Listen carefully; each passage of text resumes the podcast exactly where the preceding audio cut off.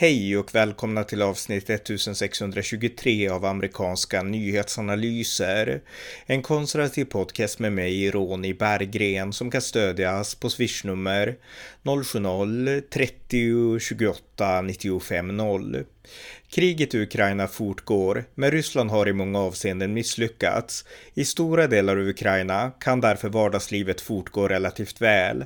Här följer ett samtal med Dag Kirsebom, affärsman som rest genom Ukraina och nu befinner sig i Odessa och därifrån berättar om tillvaron i landet. Varmt välkomna! Dag Kirsebom, välkommen! Tack så mycket Ronny!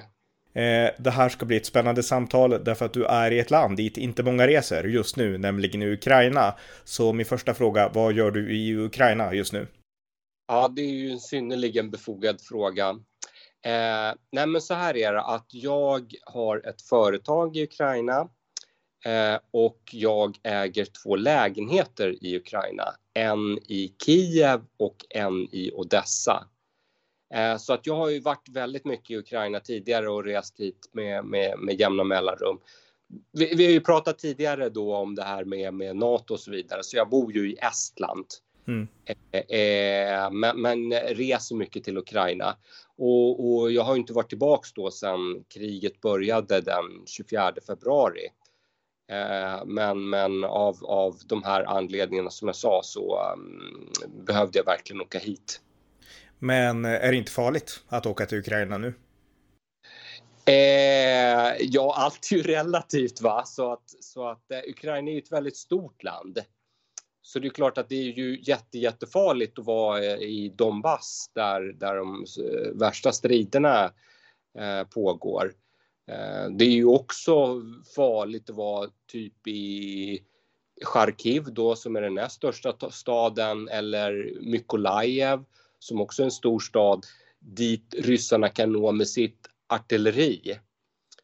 Eh, I övriga delar av Ukraina så slår det ju ner missiler med jämna mellanrum. Eh, med jämna mellanrum. Det, det, ser man ju på nyheterna hela tiden. Så det är ju inte ofarligt. Men trots allt, det är ganska liten risk att man ska få en missil i huvudet. Då. Mm, just det.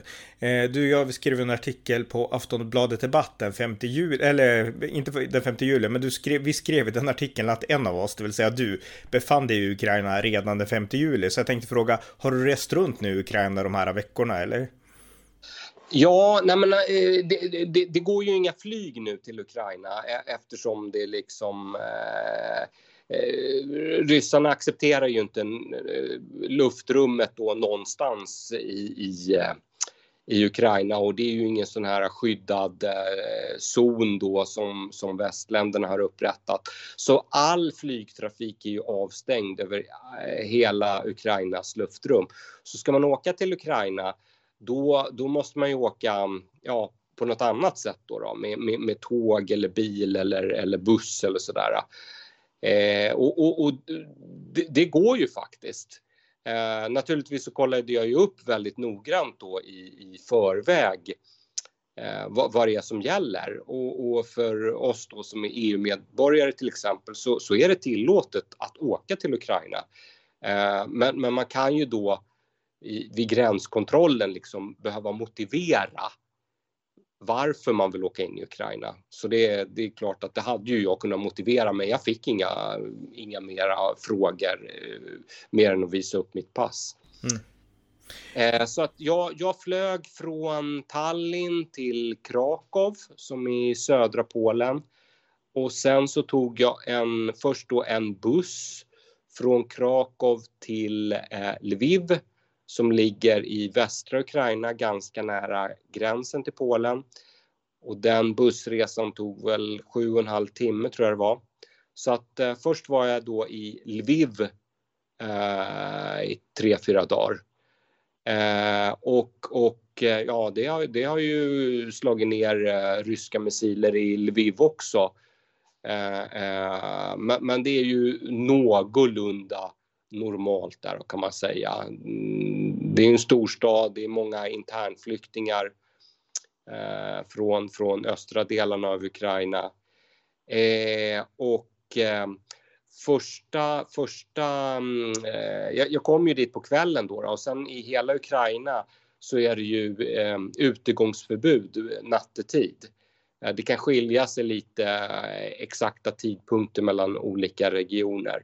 Men typ mellan 11 på kvällen och 6 eh, på morgonen så är det utegångsförbud. Så, så, när jag kom fram där till Lviv, det, det um, första jag gjorde var att jag tänkte jag skulle gå ut och äta någonting för att uh, jag vill ju inte vara ute då när det är utegångsförbud såklart. Mm. Uh, och jag hann ju inte mer än 200 meter ifrån uh, hotellet så började ju flyglarmet ljuda. Så att det var ju bara rakt ner då i eh, garaget under hotellet där då, som var ju som skyddsrum. Mm. Ja, spännande. Men eh, var det, alltså hur, hur, märker du, du har ju varit som sagt i Ukraina väldigt många gånger tidigare. Hur märker man på liksom vardagslivet, alltså när du har åkt runt, hur, hur märks kriget så att säga? Det är en spänd stämning, det är soldater överallt, det är avspärrningar på många ställen. Ja, och så det där vi sa då naturligtvis att det går ju inte flyg. Eh, eh, men, men, men, som sagt, det, det, Ukraina är ju ett väldigt stort land så, så, så, det är ju inte direkt krig i de här äh, ställena där jag har varit då, då som är Lviv, Kiev och Odessa. Ja, i, i Kievområdet så var det ju krig, men där har ju ryssarna dragit sig tillbaks nu. Mm. Uh, så, så, jag var ju där i, i Butja också då uh, och, och, såg uh, förstörelsen. Mm. Men, men skulle du säga innan vi kommer in på Butcha, för jag vill ställa lite frågor om det, men skulle du säga att ja. vardagslivet, det, det, liksom, det rullar på som vanligt i Lviv till exempel? Ja, i ganska stor utsträckning. Jag, jag, alltså det, det, det är ju lite så här äh, sunt förnuft. Va? Det, det, det, det, om, om, om, tänker byggnadsindustrin, du håller på och bygger ett hus. Eh, eh så, så byggherren då blir, blir lite tveksam. Ska jag bygga klart det här huset? Vad, vad om ryssarna tar över den här staden? Eh, så, så det, blir, det blir en hel del verksamhet som, som blir eh, on hold. Men, men ja, gå, gå och handla mat i affären, det, det, är ju, det måste man ju göra i vilket fall som helst. Så, så Alltså ekonomin har ju gått ner jättemycket, BNP har gått ner jättemycket men, men, men det har inte gått ner 100 procent. Det, det, är klart att det förekommer ju fortfarande affärsverksamhet. Uh, om man, om, man, om man tar grundläggande logistik, alltså mat och sånt där livsmedel, alltså finns sånt, vad finns, vad finns inte? Hur, hur har det, alltså när du går omkring och i en mataffär till exempel, hur ja. ser man någon skillnad där? Ja, Eh, eh, nej men det där, det där är intressant alltså för att eh, eh det är absolut matvaruaffärerna är öppna och, och de har varor. Eh, ingen direkt sådär uh, brist. Så det är uppenbart att det förekommer någon slags logik eh, eller eh, logistik med, med import och, och, och, även inom Ukraina och sådär. Men, men eh, det, det, är färre varor, alltså utbudet är färre, det, det, det, det jag märker. Priserna har ju gått upp ganska mycket. Eh, men, men, samtidigt som priserna har gått upp ganska mycket så har jag sett konstiga rabatter, att de plötsligen bara sätter ner priserna jättemycket för att de av någon anledning vill bli av med några varor då. då. Uh, så, så ja, det fungerar liksom. Folk svälter ju inte då, då i varje fall i de här områdena. Eh, eh, men det är ju inte som förut. Nej. Eh, och just nu så befinner du dig i Odessa av alla städer därför att den här staden har blivit eh, omskriven väldigt mycket därför att den har attackerats nu bara de senaste dagarna. Hamnen har attackerats av, av ryssarna. Eh, kan du berätta om alltså, läget nu i Odessa och vad som har hänt de här dagarna? Ja, som, som sagt, jag har ju en lägenhet i Odessa då, så, så um, eh, jag, jag kommer hit för att och, och se till den. Och uh, jag kan konstatera att, att uh, den är, den är min lägenhet är mm, helt okej, okay. det är all, allt är som vanligt och liksom internet fungerar, vatten fungerar, elektricitet fungerar, Eh, internet fungerar. Jag, jag, sitter i min lägenhet nu och pratar med dig till exempel via Skype här. Mm.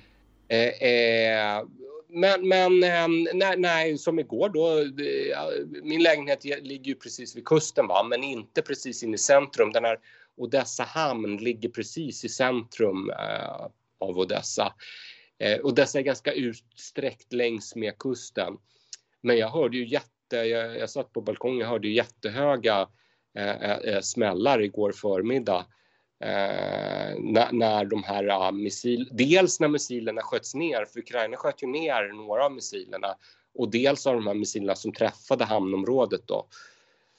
Eh, och, och, det är ju eh, det, det, är mycket sådär flygalarm. Jag har laddat ner någon app då och, och, och det, det, är ju flygalarm varje dag nästan. och då ska man ju gå gå, i skydd, gå ner i skyddsrum och sådär. Har du gjort det då eller? Eh, ja, det har jag gjort, men jag ska erkänna att jag inte gjort det varje gång det där flygalarmet har gått. Ja. Men alltså folk, när kriget utbröt, då var det ju såklart, ingen visste exakt vad som skulle hända, hur mycket ryssarna skulle klara av eller inte. Och eh, det visade sig att ryssarna körde bokstavligen fast i leran efter bara några dagar. Och idag som du säger nu så pågår kriget intensivt i öster. Samtidigt så har ju eh, det västerländska stödet till Ukraina ökat i takt med att eh, Ukraina har visat sig motståndskraftiga. Och du och jag vi har ju skrivit om att, att Ukraina behöver få västerländskt flygvapen och sådana saker.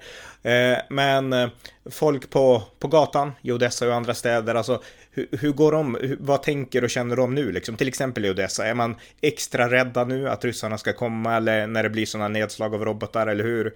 Ja, vanligt folk, hur, vad upplever de och tänker och hur reflekterar de?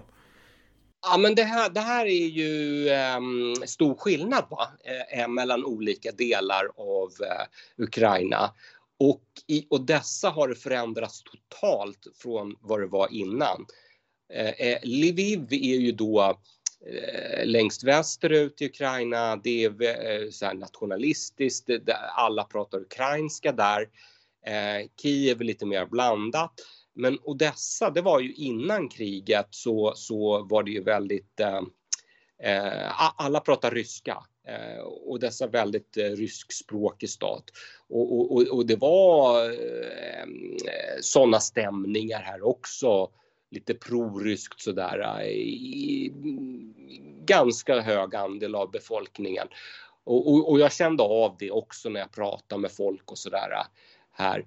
Men nu när jag kom, det är ukrainska flaggor överallt, det är ukrainska färger överallt, stämningen är så här hetsk, hatisk mot Ryssland så, så alltså Putin har i viss mån skjutit sig själv i foten här. Va? Det, det, de, de som, som han vill befri, befria, de, de, de, kanske var lite halvpositiva till, till Ryssland och till Putin förut, men, men det är de ju inte längre. Att skicka missiler och artilleri och döda människor är inte mest smarta sättet om man vill bli omtyckt. USA, får jag bara skjuta in en sak där? USA, Irak och Afghanistan hade ju strategin att vinna heart and minds, alltså man skulle ja. skona civilbefolkning. Det verkar inte vara något som Putin har tagit lärdom av. Nej, utan de kör väl mer på den här eh, eh, eh, eh, först så måste vi erövra ett område, alltså de områdena som de har erövrat. Det är ju inte så långt bort här från dessa, Kherson till exempel, Kherson Oblast Oblast är ju som, som län då, då i, i, Sverige, eller region heter det väl nu för tiden. Mm. Eh, eh, eh och och eh, där så eh, successivt va, så, så, stänger de ju av internet och sådana där saker och bara liksom den här rysk propaganda på tv och sådär.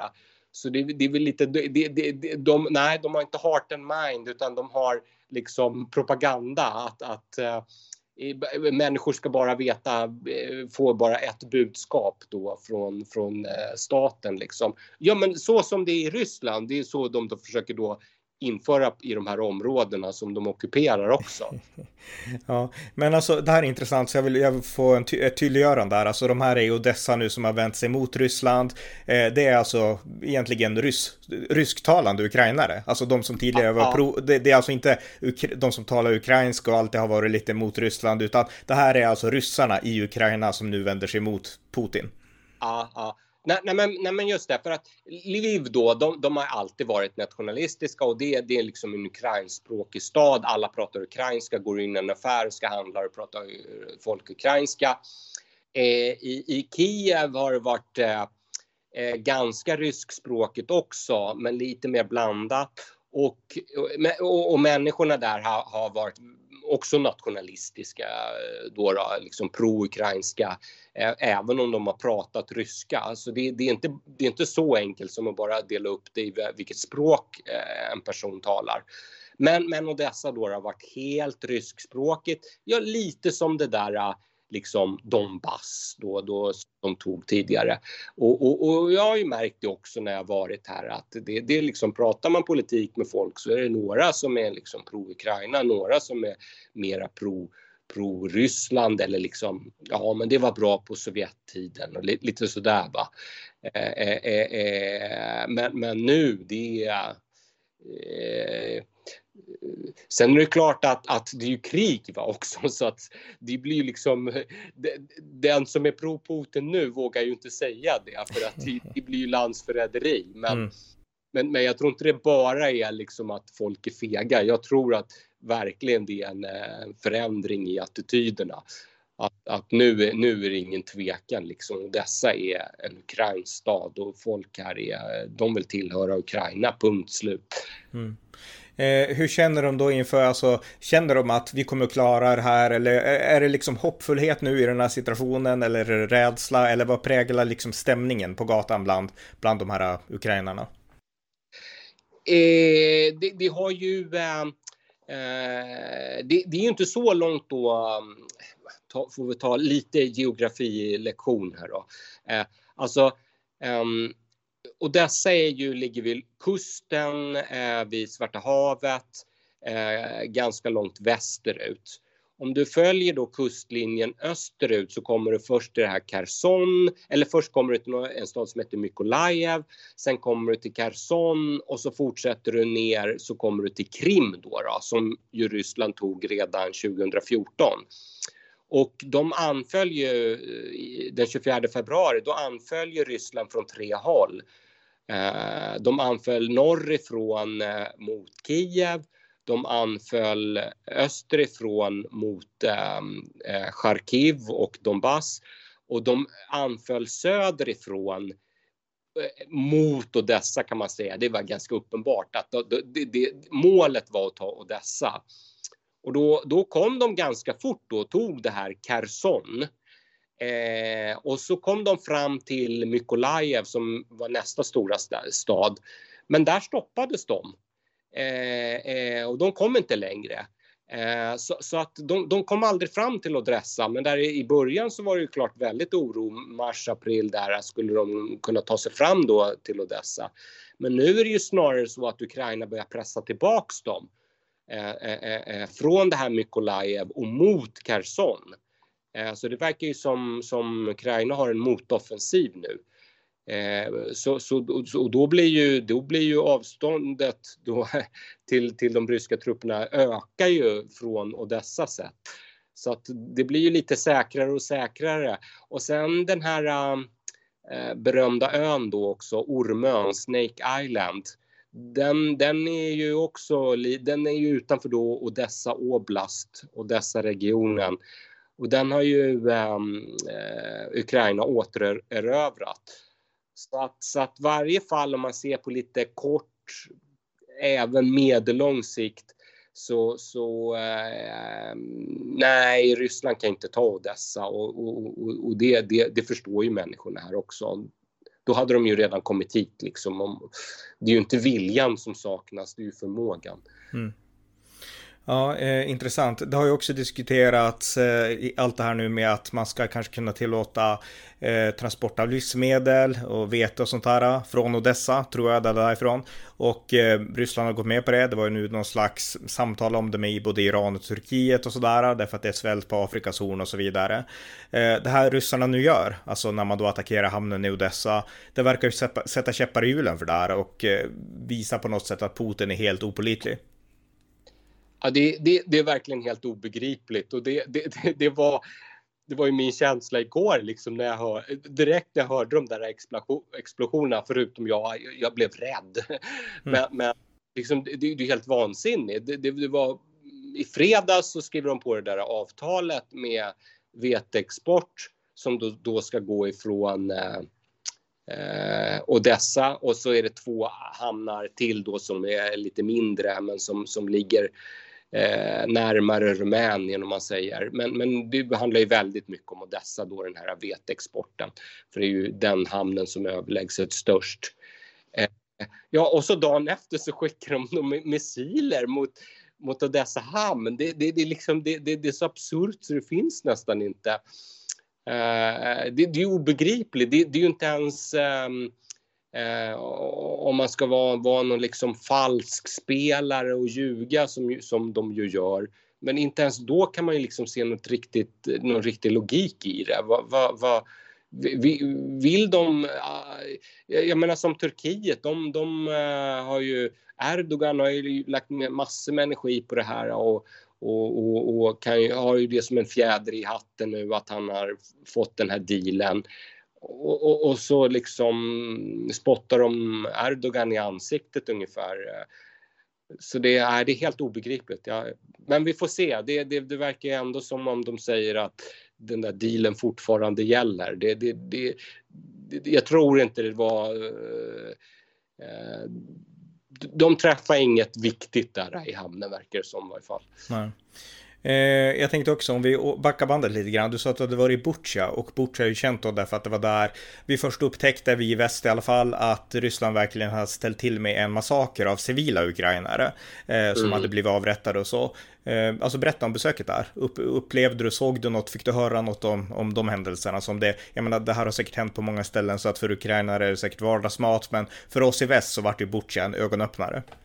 Ja, Nej, men det var, det var mer att jag ville se det med egna ögon. Eh, och, och, och eh, jag åkte ut då med en kompis eh, som, som är från Kiev. Och, och, och det går ju... Du, du, du, det är ju ganska nära Kiev då, då så, så vi, vi åkte runt där och, och tittade lite.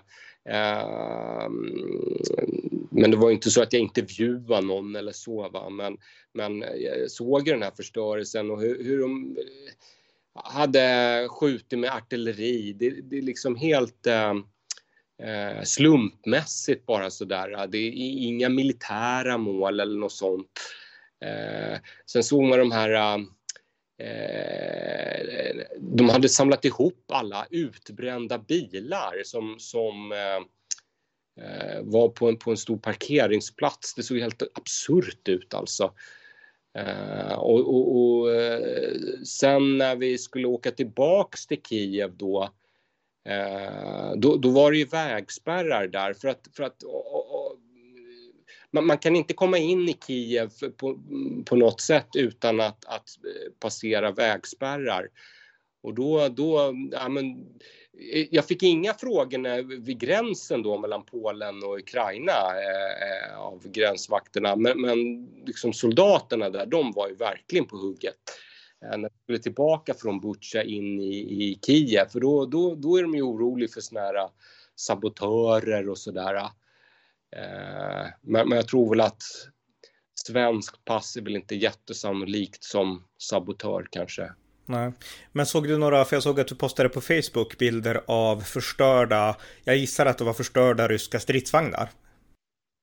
Ja, just det. Eh, men det är inne i Kiev i, i centrum. Som de har dragit dit bara, eller som... Eh, precis, precis. Det, det, är lite så här moralhöjande snarare. Ah. Eh, eh, eh, och, och, och, det är säkert från massor med olika ställen där, där de här, den här utrustningen är förstörd. Och, och, och det, det, är då en av varje, eller vad man ska säga, va? en sån tank och en sån eh, så här luftvärnssystem och en sån, eh, ja, och, och, olika, olika materiel då som, som Ukraina, rysk materiel som Ukraina har förstört. Så har de, så har de ställt upp det på, på, på ett torg då inne i centrala Ukraina och det civilbefolkningen kan gå dit och titta på det här och ta foton och sådär då. Och, och Eh, ja, så, det, det... så, man ser inte de där när man åker omkring på liksom vägarna i Ukraina? Nej, nej inte, inte, jag vet inte, det kanske är, finns någonstans då, men det, det, det, har de ju liksom det har de ju transporterat bort och sådär va. Jag menar, ja, ja, som man har sett den där i Butja, du, du, du har ju säkert sett den där där, där är liksom 20 stycken på en, på en väg som är mm. som träffade den ena efter den andra av typ något nå antitankvapen. Nej, nej, men de har de ju tagit bort nu va, och transporterat iväg. Just det. Ja, eh, vad spännande. Alltså berätta mer. Alltså, jag vet knappt vad jag ska fråga utan jag vill bara veta så mycket som möjligt som, som kan vara värt att veta här i Sverige om det som nu, ja, det du upplever och ser och sådär i Ukraina.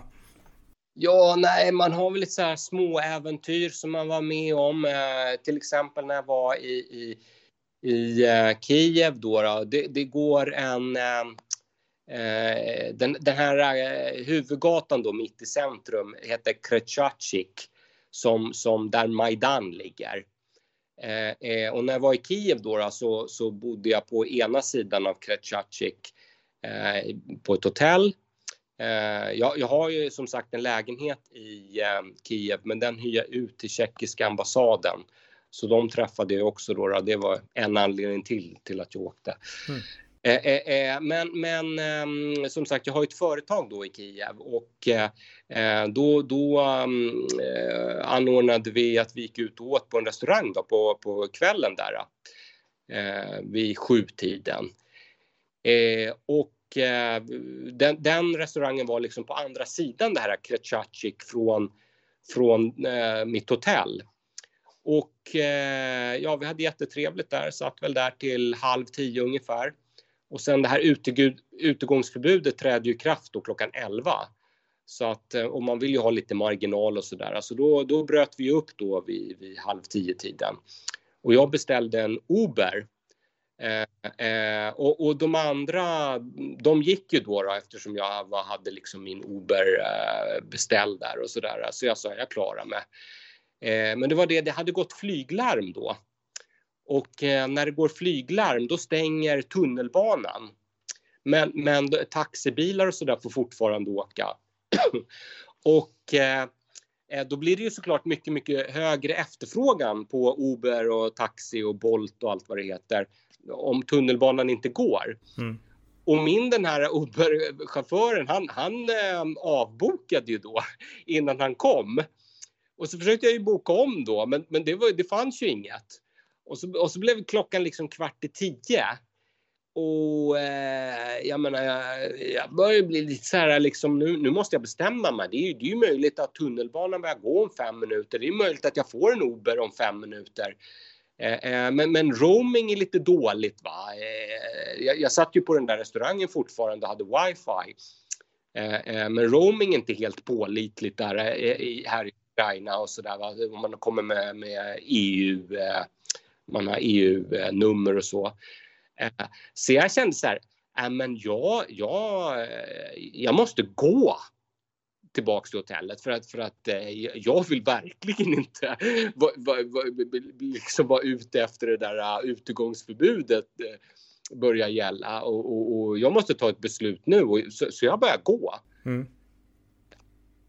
Och då, då Nej, men då, var ju, då hade det börjat bli mörkt. Va? Nu är det klockan tio. Det, det var ju mörkt ute och Eh, eh gatorna är liksom släckta. Va? Jag vet inte om de sparar på elektricitet eller, eh, eller det ska liksom förhindra eh, eh, anfall. Eller, men, men, men gatorna var, var, var mörka. Du ser lite ljus då så här, i fönster och sådana saker. Men då var, då, då, då, den här, eh, jag kollade ju min mobil då, den här äh, kartan liksom, äh, ja, mm. äh, som, som jag hade sparat ner. Ja, Nej, men då var ju den ena vägen efter den andra. För jag var, nu var jag på andra sidan av det här Kretjatjik. Det var avspärrad. så liksom, aj, det, det, blev ju, det blev ju liksom mer och mer så kom jag längre och längre bort ifrån. Eh, eh, eh, och, och, och, till slut och så hittade jag en gata som inte var avspärrad. Och där stod det ju fem unga soldater då liksom med, med AK47 eller vad det var för någonting. Men där var det i varje fall inte avspärrat så jag frågade ju dem om jag kunde få, få passera och då, då, då fick jag ju passera där. Så, så jag kom ju tillbaks då till hotellet kvart i elva. Mm. Och, ja. Så det var ett litet äventyr eh, som, som jag haft. Ja, men ja, spännande alltså. Men om du berättar mer, alltså soldaterna, liksom om du interagerar med många sådana, liksom känner, känner, de, känner alla, det måste vara en enorm nationell uppslutning nu där alla känner att vi vill hjälpa varandra och så kan jag tänka mig liksom. Och att även soldaterna liksom att nu är vi ett folk som står tillsammans i det här. Är min uppfattning, jag uppfattar att man liksom i krig så blir det så. Eh, ja, och, och eh Eh, jag har inte pratat med så många soldater men, men eh, jag, jag, jag, känner ju en del folk här. Alltså jag liksom frågar ju dem om så, typ så, det som du frågar mig nu mm. kan jag fråga dem då. Eh, eh, eh och, och eh, då, då, då, till exempel den där gången när, när vi, jag kom med min kompis från Butja till Kiev och åkte tillbaks. Ehm, då, då sa ju han till mig så att, att soldaterna som stoppade bilen som, som pratade med honom, då pratade ju de ukrainska. Och det, det gjorde de ju inte för sex månader sedan. Va? Utan det kan, det kan ju han liksom höra också att ja. den här personen pratar egentligen, han, han har ju börjat prata ukrainska nu eh, de senaste månaderna. Och det, det har jag hört också de som har kommit från Moldavien till Odessa när de blev stoppade där i gränsen att gränsvakterna pratar ukrainska med dem men man kan liksom höra att det, det, är inte deras modersmål utan nu, nu, nu ska alla prata ukrainska. Va?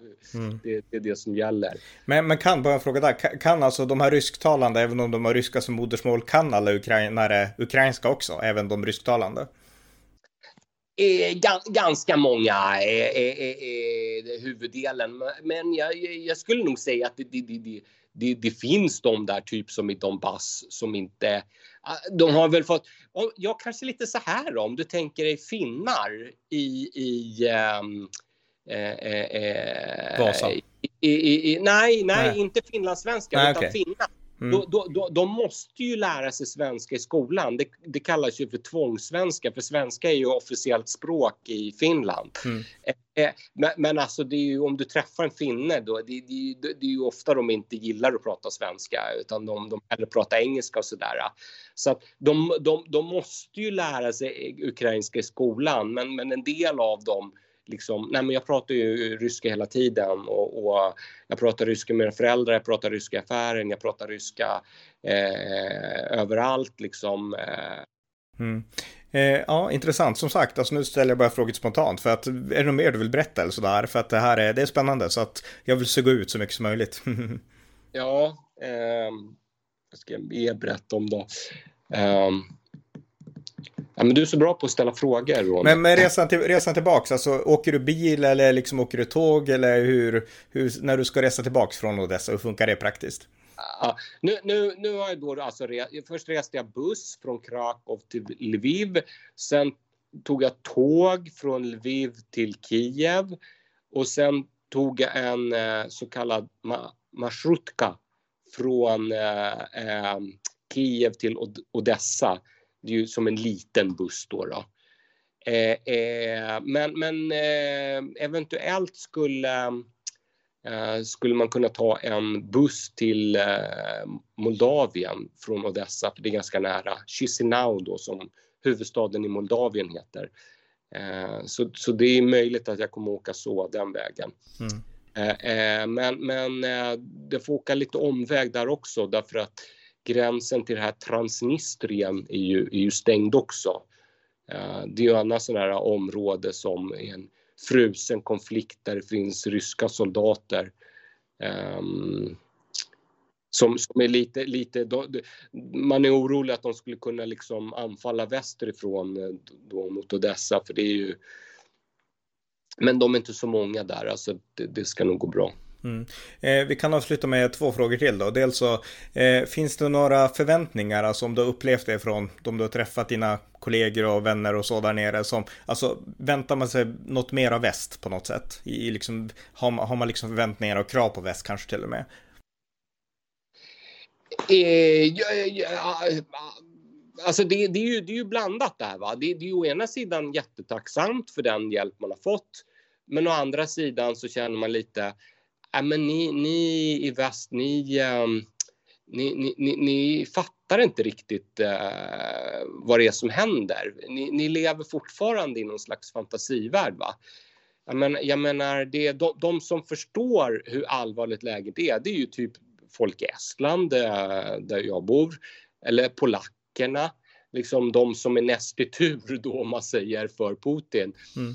Med, medans lite de här mer tyskarna, fransmännen, italienare, eh, det är lite underton där att det måste ju ändå bli fred, vi får inte förutmjuka Putin och så vidare. Så att, så att eh, det, det, det, är den här blandade känslan att dels de är verkligen tacksamma för västhjälp men å andra sidan så känner de att det är många i väst som inte förstår hur allvarligt läget är. Att, att Ukraina måste verkligen vinna kriget för att, för att någon slags oavgjort nu eller, eller där, där, där Ryssland får behålla de här delarna som de ockuperar nu. Ja, men det, det är ingen långsiktig lösning. Då, då kommer de bara anfalla igen om några år när de har um, rustat upp igen. Mm. Zelensky är ju deras ledare och han har ju fått en kultstatus i västvärlden som en hjälte. Är det så liksom de flesta i Ukraina uppfattar honom också? Alltså det här är liksom verkligen våran ledare? Jo, men det blir ju lite så liksom i krig. Då sluter man upp bakom ledaren. Eh, du, du som är jätteinsatt i eh, hur det är i USA. Du, du minns ju säkert också det efter 11 september där. Det, det, det blev ju helt eh, enorma popularitetssiffror för George Bush liksom efter 11 september. Mm. Så det blir ju så, det är klart man sluter upp bakom ledaren när man är i krig. Då, då får man ju ta interna dispyter liksom efter kriget är över om man säger. Så, så det, det, är ju, det är ju total uppslutning i, i princip. Just det. Eh, sista frågan då. Vi skrev en artikel som sagt, nu har jag plockat fram den och rubriken är det, var, det är på Aftonbladet Debatten 15 juli.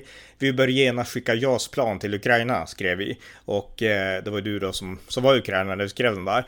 Men eh, eh nu läste jag också, det var du som skickade länken, att USA de anser att det är en bra idé att skicka fjärde generationens stridsflygplan till Ukraina och man föreslår till och med att kanske JAS-plan, JAS Gripen skulle kunna skickas till Ukraina och man får något avtal med Sverige och sådär. Men eh, det här behovet då som vi skriver om och att, att Ukraina verkligen behöver luftskydd. Eh, är det någonting du kan uppleva konkret fortfarande där på plats att det här är någonting som efterfrågas och det är verkligen det här som Ukraina vill ha?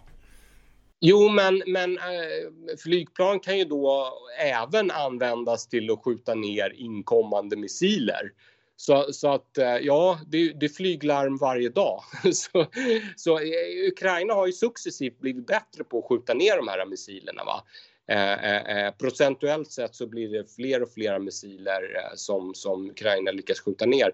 Så, så att de har ju fått mer de, de har ju fått mera så här luftvärn och sånt ifrån västländerna, det är ju uppenbart. Eh, eh, eh men, men, som sagt, stridsflygplan kan ju förutom då att användas i så, så att säga offensiva syften eh, för att anfalla mål eh, på fiendens territorium så, så kan, det också, kan de också användas för att skjuta ner inkommande missiler. Eh, och och eh, så, så, så nej, men det behovet finns ju fortfarande, men det, det är liksom det är väl lite att eh, nej, men nu har vi tjatat så mycket om det där med stridsflygplan så nu, nu, blir det lite mer att det är fokus på de här HIMARS då, och, och mm. de artilleriduellerna som det är att eftersom Ryssland har sånt enormt övertag i antal eh, i, i ammunition och artilleripjäser och sådär va. Så, så det är väl lite att det har skiftat mer mot det då för de, eh, ja, de har ju tjatat så mycket om det där med, med, med luftvärn och stridsflygplan och sådär redan. Men det, det är helt självklart att de, de jättemycket efterfrågar det.